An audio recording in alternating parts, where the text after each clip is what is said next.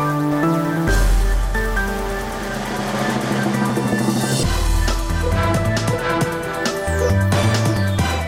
Poštovani slušaoci, tema najnovijeg mosta Radija Slobodna Evropa bila je da li će slučaj luksuzne beogradske vile Milorada Dodika dobiti sudski epilog na koji se čeka već sedam godina. Sagovornici su bili Svetlana Cenić, ekonomska analitičarka, i Denis Đidić, izvršni direktor Birna Balkanske istraživačke mreže u Bosni i Hercegovini.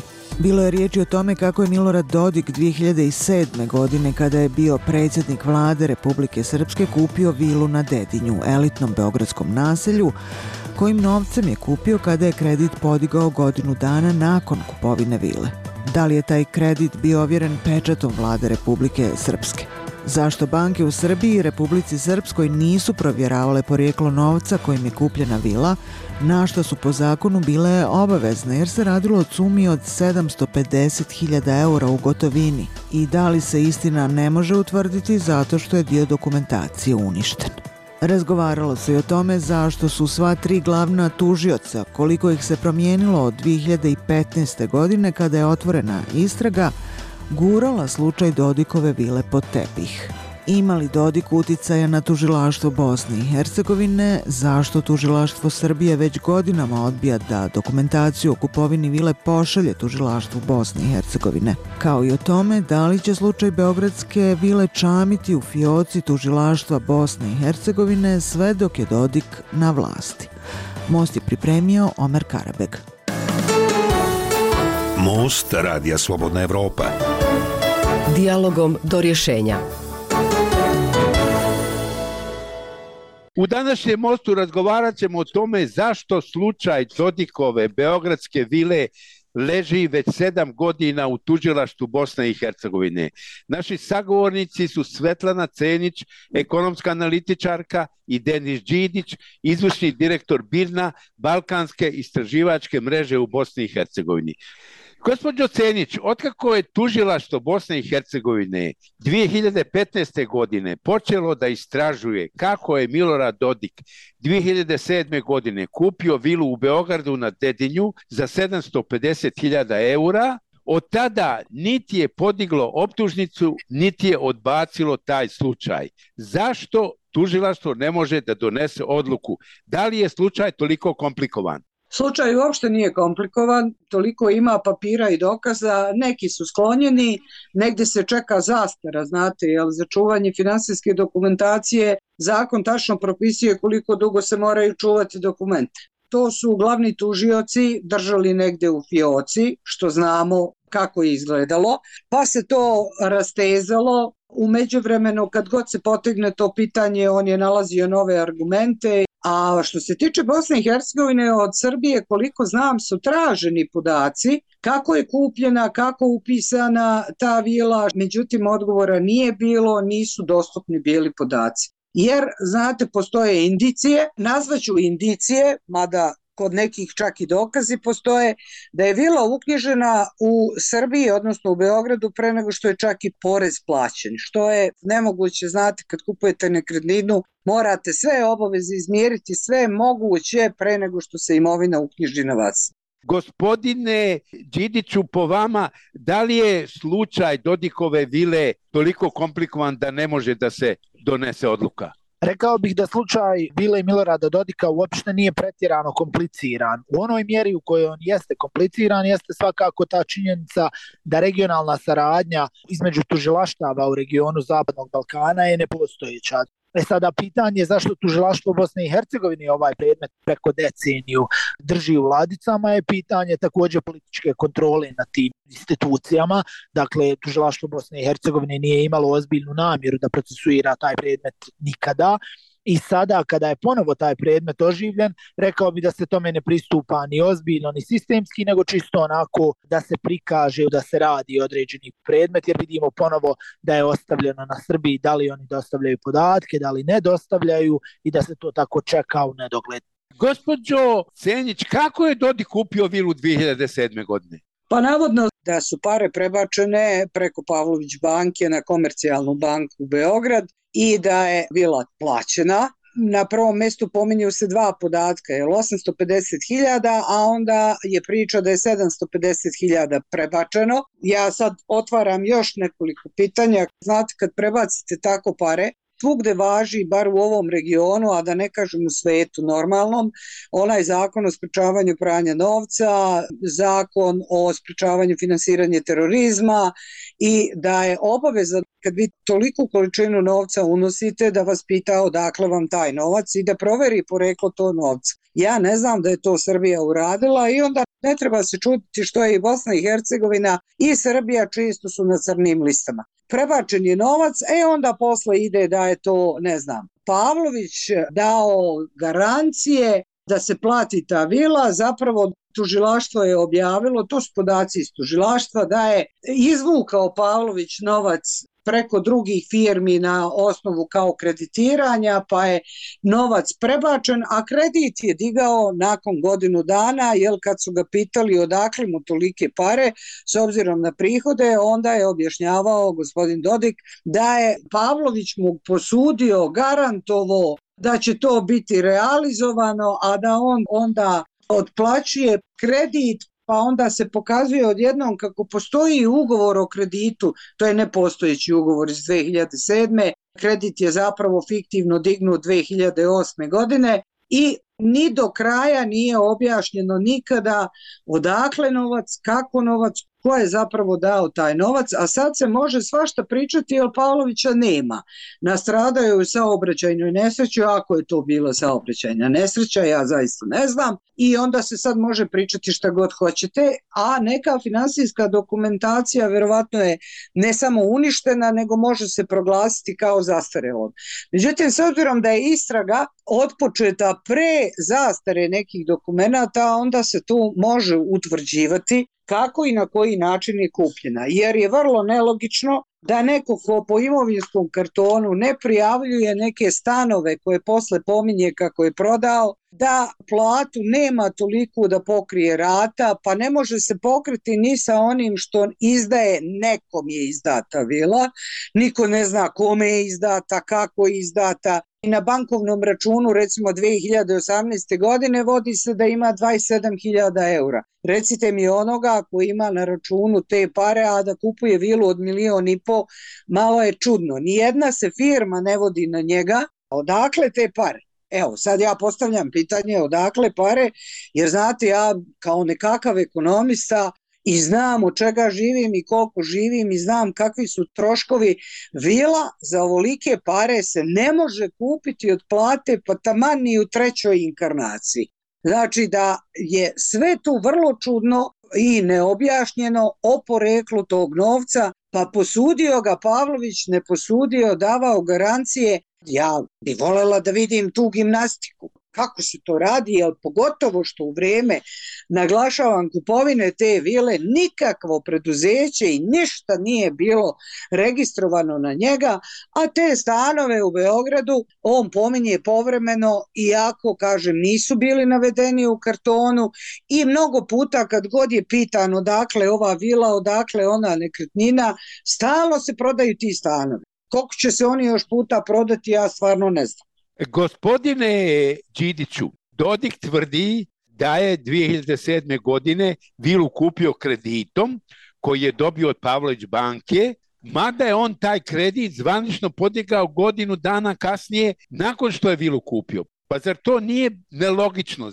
Da li je tužila što to ispitivalo? Mi u ovoj fazi jednostavno nemamo nikakve informacije o tome čime se tužilaštvo bavilo. Ono što je već izašlo u javnost jeste da je ugovor o kreditu potpisan godinu dana nakon kupovine, to smo već imali u javnosti i to je jako problematično, dakle to vam je apsolutno nemoguće svi mi koji smo kupovali nekretnine, koji smo dizali kredite vezano za određene nekretnine, za hipoteke, znamo da je apsolutno tako nešto nemoguće i u tom smislu je vrlo problematično i nešto što je tužilaštvo mnogo ranije trebalo da problematizira. Također ono što je važno ovdje reći je ta imovina imovinski kartoni izabranih službenika se apsolutno ne provjeravaju. Centralna izborna komisija apsolutno ne predviđa adekvatne kazne za bilo kakvo pogrešno predstavljanje, za bilo kakvo nemogućnost da se objasni porijeklo imovine. Poštovani slušalci, pratite Most Radija Slobodna Evropa u kome se razgovara o tome zašto slučaj Dodikove Beogradske vile već sedam godina leži u tužiloštvu Bosne i Hercegovine. Sagovornici su Denis Đidić, izvršni direktor Birna, Balkanske istraživačke mreže u BiH i Svetlana Cenić, ekonomska analitičarka. Voditelj je Omer Karabeg. Gospodžo Cenić, tvrdi se da je Dodikov zahtjev za kredit od Pavlović banke ovjeren pečatom vlade Republike Srpske, čiji je Dodik tada bio premijer. Dodik to negira. Da li se to može provjeriti? Moralo bi da se proveri, jer svako normalan, znate, kad imate kredit, čuvate svu dokumentaciju. I zašto se ona ne da na uvid? Ono što je dao na uvid, to se pokazalo, ajde, najblaže rečeno, da nije autentičan dokument, da se posle pokazalo da je ne samo na zahtevu, nego da se pominje čak da na ugovoru je pečat vlade, čiji je bio premijer, znači na ugovoru o kreditu, a da ne pričam da su, ne znam, nija neke rate nosili treća lica pa uplaćivali. Moram samo da naglasim još nekoliko stvari, a to je da kad vi predajete keš ili kad nosite keš, morali bi da dokažete poreklo para, a da ne pričam da bi vas morali pitati odakle vam tolike pare, a kažem nemate registrovano nikakvih dodatnih, jer sve ovo ostalo što se pominje kod porodice Dodik, od restorana, firmi i tako dalje, to se sve naknadno pokazalo kao imovina, kao nešto od čega dosta stvari uopšte nije upisano u imovinski karton. Evo i sada kad se prijavljuje za prošle izbore, imali smo, ne znam, da čerka ima garažu, da žena ima prihode po osnovu zajedničkog imanja, ali masa drugih stvari nije prijavljena, nije prikazana, pa ako je već tako, onda bih voljela da vidim koja je to gimnastika i čarobni štapić koji vam omogući da kupite vilu od milion i po konvertibilnih maraka, a nemate praktično ništa na zemlji. Gospodine Đidiću, da li je glavni problem u tome što je uništena dokumentacija o kreditu? Jedan od krucijalnih problema sigurno jeste da je uništena dokumentacija o kreditu, ali pored toga problem je u tome da jednostavno se pretvaramo da tužilaštvo Bosne i Hercegovine nema mehanizme da utvrdi upravo ovo o čemu gospođa Cenić govori. Dakle, vrlo jednostavno finansijsko vještačenje u vezi izvora prihoda, koji su to izvori bili finansiranja određenih nekretnina, su nešto što se sasvim sigurno može uraditi. Mi svi sada da pokušamo na banku odnijeti nekoliko hiljada maraka, banka će sama to stopirati. Dakle, tražit će od vas odakle vama dvije, tri hiljade maraka koje sada stavljate na štednu karticu svoga djeteta. Tako da pretvarati se da tužilaštvo Bosne i Hercegovine ne može da zahtijeva od finansijskih vještaka da jednostavno kažu da je nemoguće finansijski obrazložiti odakle izvori prihoda koji omogućavaju toliku količinu sredstava, tako da tužilaštvo Bosne i Hercegovine sigurno ima mehanizme da to utvrdi, samo je pitanje postoji li tamo volje, pa mogao bi čak iskoristiti termin postoji li tamo političke volje. Znate šta, svugde u svetu, pokušajte, ne znam, u Engleskoj, u Nemačkoj kupiti imovinu od milion i po, a da vas poreska trenutno ne pita odakle vam te pare i da vam ne pogledaju finansijske tokove. Takođe, banke su dužne po zakonu. Sve ono što je 30.000 i više, kad uplaćujete nekome, trenutno da reaguju, da to prijave i da vide kakva je transakcija u pitanju shodno zakonu o zabrani pranja novca i tako dalje, finansiranje terorizma i slične stvari.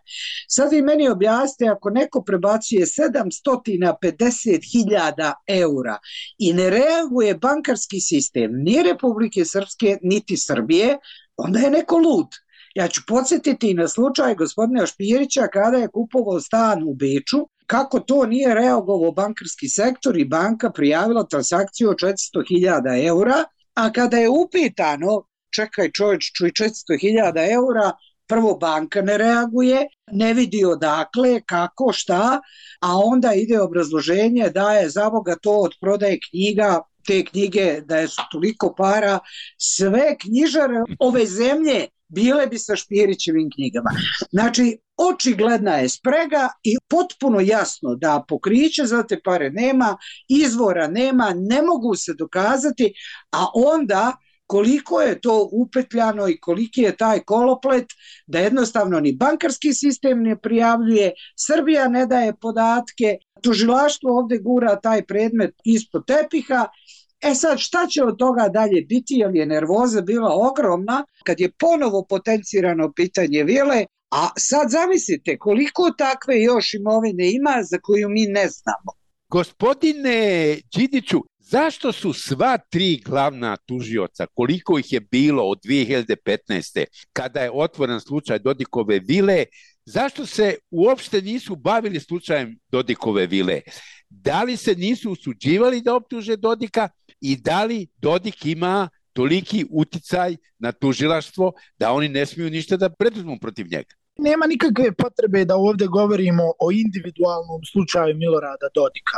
Svi glavni tužioci tužilaštva Bosne i Hercegovine u proteklih deset godina apsolutno nisu imali hrabrosti ili volje da se bave bilo kojim ozbiljnim sistemskim predmetom korupcije. Tako da u tom smislu predmet Milorada Dodika je toliko visoko i toliko je to utjecajna osoba da tu čak govoriti o procesuiranju je u nekoj sferi naučne fantastike ukoliko mi vidimo da je za vrijeme recimo posljednje glavne tužiteljice Gordane Tadić nije bilo procesuiranja ni protiv nekih običnih službenika ili nekog srednjeg nivoa ljudi koji su povezani politički. Tako da sasvim sigurno je da ta politička kontrola nad pravosudnim aparatom je tolika da procesuiranje osoba koji su toliko utjecajni i visoki kao što je Milorad Dodik je zaista nešto što je nemoguće u ovoj sferi i zbog toga je nama naravno potrebna jedna jako, jako ozbiljna reforma pravosudnog aparata, potreba nam je prevashodno zakon o visokom sudskom i tužilačkom vijeću,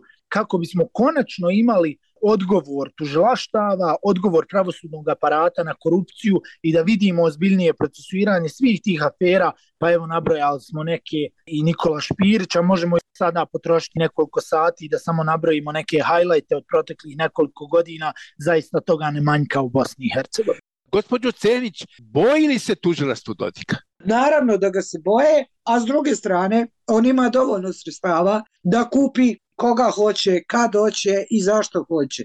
Ima ličnih sredstava, a isto tako i budžetskih sredstava i mogućnost, pošto živimo u zemlji gdje je sistem građen na osnovu ovih velikih vođa koji o svemu odlučuju, za sve se pitaju i vi ne idete u institucije da rešavate problem, nego idete kod vođe da ga rešite, tako da ima i tu moć da zapošljava, otkazuje, otpisuje, plaća, kupuje, pa videli ste u ostalom kako se kupe poslanici, pa što se ne bi mogli i drugi kupiti. Tako da tu ima i straha i interesa i svega zajedno, jer onaj ko hoće da radi po profesionalnoj savesti, taj straha nema odnosno dobro, samo se budala ne boji ničega, ali taj te vrste straha nema zato što poštuje sebe.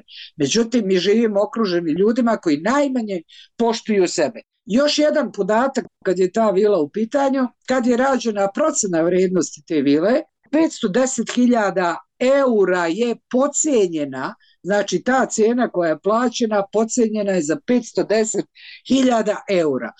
Što sad upućuje na to šta je sad plaćeno ovako, šta je plaćeno u kešu, ko je ovde lud, ili vi dobro znate štalu na dedinju ne možete kupiti ako ne ispraznite džepove i iskeširate i te kakvu sumu novca, a kamoli neku vilu. Gospodine Đidiću, tužilaštvo se ipak usudilo da Dodika dva puta pozove na saslušanje.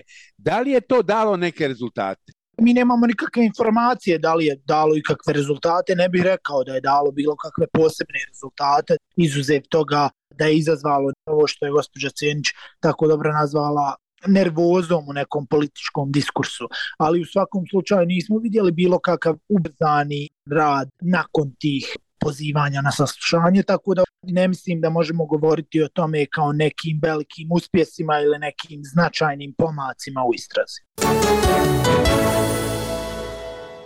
Poštovani slušalci, pratite Most Radija Slobodna Evropa u kome se razgovara o tome zašto slučaj Dodikove Beogradske vile već sedam godina leži u tužiloštvu Bosne i Hercegovine. Sagovornici su Svetlana Cenić, ekonomska analitičarka i Denis Đidić, izvršni direktor Birna, Balkanske istraživačke mreže u BiH. Voditelj je Omer Karabek. Gospodjo Cenić, da li je ovo pozivanje Dodika na saslušanje dva puta, ipak se tužilaštvo osudilo, da li je to dalo neke rezultate? Pa znate, dalo je rezultate te što je kod njega ipak primetna nervoza. On vrlo dobro zna da ako neko odluči ovde da se zaista bavi tim slučajem, bavit će se. To je jedna stvar, a druga stvar, vi znate da su i za naše pravosuđe vrlo zainteresovane sve one velike sile koje ovde imaju i takakav uticaj. S druge strane, nikad se ne zna kada će Vučiću pasti na pamet, njemu svaka od ova može da padne na pamet da kaže, e sad dajte svu tu dokumentaciju, kako šta, i da i on sa te strane, ajde reći ću tako, pogura jel, da se neke stvari razreše i do nekih dokumenta dođe. Drugo, vi nikad ne znate kad će koji svedok se pojaviti, a njih ima. Oni koji su radili i u jednoj i u drugoj banci preko kojih su išle te transakcije, u kom momentu će im biti u interesu da jednostavno ispričaju tu čitavu priču i da kažu kako je to sve teklo. Tako da naravno da se stvara nervoza, a sad Da li će tužilaštvo do kraja uraditi svoj posao? E pa znate, najgore što mi imamo anesteziranu javnost koja se od danas do sutra bavi tako nečim i ovde je toliko narodu u mozak su uvrtili da to kad se kaže, znate, ukro milion, dva, tri, pet, a to je ništa, znate, i milijarde više nisu ništa. Konstantno gledamo kako se ta novo komponovana elita pod navodnicima, jer to elitu videlo nije, kako se bogati, kako je sve bogatija, a ono što ja zaista zameram međunarodnoj zajednici, znate, ne možete me ubediti, dovoljno čitam i dovoljno imam godina, da ne znam da sve ove obaveštajne službe, sve ove službe koje prate finansijske tokove ne znaju u svakom momentu kako je išlo, pogotovo kad su veći iznosi, da se razumemo. Znači, znaju, ali ovakvi kakvi su ucenjeni i sa puterom na glavi, oni su odlični međunarodnoj toj takozvanoj zajednici da manipuliše u njima i ono da kažu čekaj njega već imamo u šahu, pa isporučit će ovo, traži ovo. Jer evo, daću vam samo jedan primer, do izbora je bilo priča ne može ovo, ne može ovo, ne može ovo. Interesantno, posle izbora, posebno posle objave rezultata, održala se sednica vijeća ministara, sve je prošlo. To da. pokazuje mnogo stvari, ali je pre toga proglašeno iznenada. Brojimo kontrolno brojanje i gle čuda, opa, odjednom se kaže da je Milorad Dodik izvanično pobedio, a predsjednik Centralne izborne komisije izađe ispred kamera i kaže na pitanje da li mu je neko to naredio, kaže djece mi moje Allaha mi. Molim vas u kojoj mi državi živimo i koje to vi očekujete pravosuđe da radi. Kad je ovde sve na Allaha mi, ako Bog da, Boga mi, djece mi, a meni kad se neko tako kune, ja trenutno palim sve alarme. Gospodine Đihiću, i vi, gospođa Ceni, ste rekli da tužilaštvo Srbije odbija da pošalje dokumentaciju o Dodikovoj vili tužilaštvu Bosne i Hercegovine. Oni to navodno već nekoliko godina traže, a ovi odbijaju. Zašto odbija Beogradsko tužilaštvo da pošalje tu dokumentaciju? I u ovom slučaju, kao i nizu drugih, vidimo da kao što je tužilaštvo Bosne i Hercegovine pod političkom kontrolom lokalnih moćnika i političkih elita, tako je svakako i srbijansko tužilaštvo. Tako da upravo ovo što je rekla gospođa Cenić, kada Vučić, iako Vučić odluči, to svakako jeste političko pitanje, ne pravosudno pitanje. I sasvim je sigurno da tužilaštvo u Beogradu ne bi bilo šta uradilo bez konsultacija sa ministrom pravde i sa samim Vučićem u toliko značajnom predmetu kao što je predmet koji uključuje direktno Milorada Dodika s nekim redovnim zahtjevnima i redovnim zamolnicama to svakako se neće desiti to je nešto što treba biti adresirano na mnogo višem nivou i jeste adresirano na mnogo višem nivou i vidimo u tom smislu spregu između politike i pravosuđa koja će stajati sve dok zato postoje interesi i svakako dok se tako nešto ne riješi, ako će se rješavati apsolutno, onda kroz pristupe u Evropskoj uniji, kroz neko insistiranje na mnogo, mnogo ozbiljnijem nivou vladavine prava, što sada apsolutno ne vidimo ni u Bosni i Hercegovini, ni u Srbiji. Gospodin Stenić, s obzirom da su u izvestoj mjeri zahladili odnosi između Aleksandra Vučića i Milorada Dodika, da li bi se moglo očekivati da Beograd u dogledno vrijeme ipak pošalje tu dokumentaciju? Ma poslaće Beograd i mnogo drugih stvari. Pazite, kad se u Beogradskoj štampi pojavio podatak da je Milorad Dodik kupio hotel Holiday Inn u Beogradu, mislite li da je to moglo da se pojavi bez saglasnosti Vučića? Ne. Vučić je dao saglasnost da može ići ta vijest. To je bila i opomena, pazi kako se ponašaš. Znači, oni ima i hotel Holiday Inn u Beogradu. Što kod nas javnost je to ono kao nat, pa to se podrazumeva. Isto ko što kad kažu, znate, ko je prvi komšija bivšem predsjedniku Makedonije, Grojevskom u Pešti, svi se onako samo osmehnu i kažu, gle čuda, ko je, ali dobro. A ko je, ko je? Zaista pa ne kažu za gospodina Dodika da mu je prvi komšija među prvim komšijama sa tom vilom u Pešti, što mene ne bi ni čudilo. Jel, eto, to je Ljubav, Orban, Dodik, ovaj, onaj, svi se populisti vole i oni se podržavaju uzajamno i talovi i dilovi su tu. Ali o njegovu glavu što kažu, to je njegov problem, on će ga morati rešavati kad tad, ali kažem i ta vest o Holiday Innu kupovine nije se mogao pojaviti bez saglasnosti predsjednika Vučića.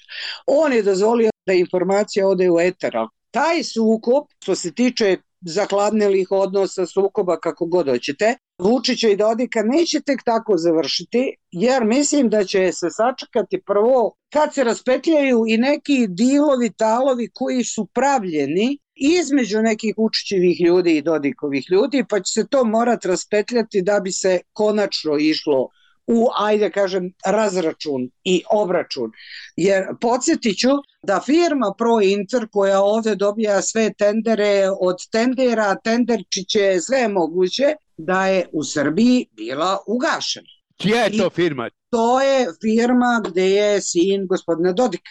I to je bila već neka naznaka, znate, da tu su se malo raspetljale neke stvari, pa se onda išlo dalje, pa sve to tako išlo pomalo, pomalo, Ja mislim da je vrhunac bila ona poseta Rusiji i slanje posmatrača u Ukrajinu, Republika Srpska šalje, što je bio udarac jedan Vučiću i ovoj politici koji pokušava da vodi, tako da raspetljaće se to još i raspetljavaće se. I na kraju, gospodine Đidiću, da li će slučaj Dodikove vile još dugo čamiti u ladici tužilašta Bosne i Hercegovine praktično sve dok je Dodik na vlasti? rekao bih da je to najizvjesnija situacija, da ćemo zaista imati situaciju da će ovo pitanje biti riješeno na politički način, a ne kroz, da tako kažem, redovni pravosudni način. Međunarodna zajednica tu ipak igra ogromnu ulogu. Dakle, ukoliko oni odluče da zaista pritisak bude na tužilaštvo Bosne i Hercegovine, to će se u svakom slučaju desiti, ali to je u ovom trenutku poprilično neizvjesno. Kako je vaše mišljenje, gospođo Cenjić, Međunarodna zajednica će prvo proceniti koliko im je on upotrebljiv još uvijek, odnosno da završi sve ono što je blokirao do sada, koliko mogu držati na kratkoj uzici, koliko im vredi, kad kažem vredi, mislim na onaj politički kapital i ucene sve ono što imaju podataka o transakcijama, o koje čemu, a što se tiče tužilaštva, ono je pod itekakvom posmatranjem, na neki način i prismotrom kako će reagovati i kako će postupati. Pa, u zavisnosti od toga, eto, gledat ćemo i možda jednom saznamo gde se još sve nalaze računi, imovina, šta se sve još radilo, možda ćemo jednog dana i to saznati. Dobro, ako se sažete, ja bih sada završio ovaj razgovor. Hvala, gospođo Senić. Hvala i vama. Hvala, gospodine Đidiću. Hvala lijepa. Bio to most u kome su naši sagovornici bili Denis Đidić, izvršni direktor Birna Balkanske istraživačke mreže u Bosni i Hercegovini i Svetlana Cenić, ekonomska analitičarka. Posrednik u razgovoru bio je Omer Karabek. Toliko u današnjem programu Radija Slobodna Evropa. Nove epizode naših podcasta pronađite na Spotify, Google podcastima, iTunesu kao i na našem sajtu slobodnaevropa.org. Do slušanja.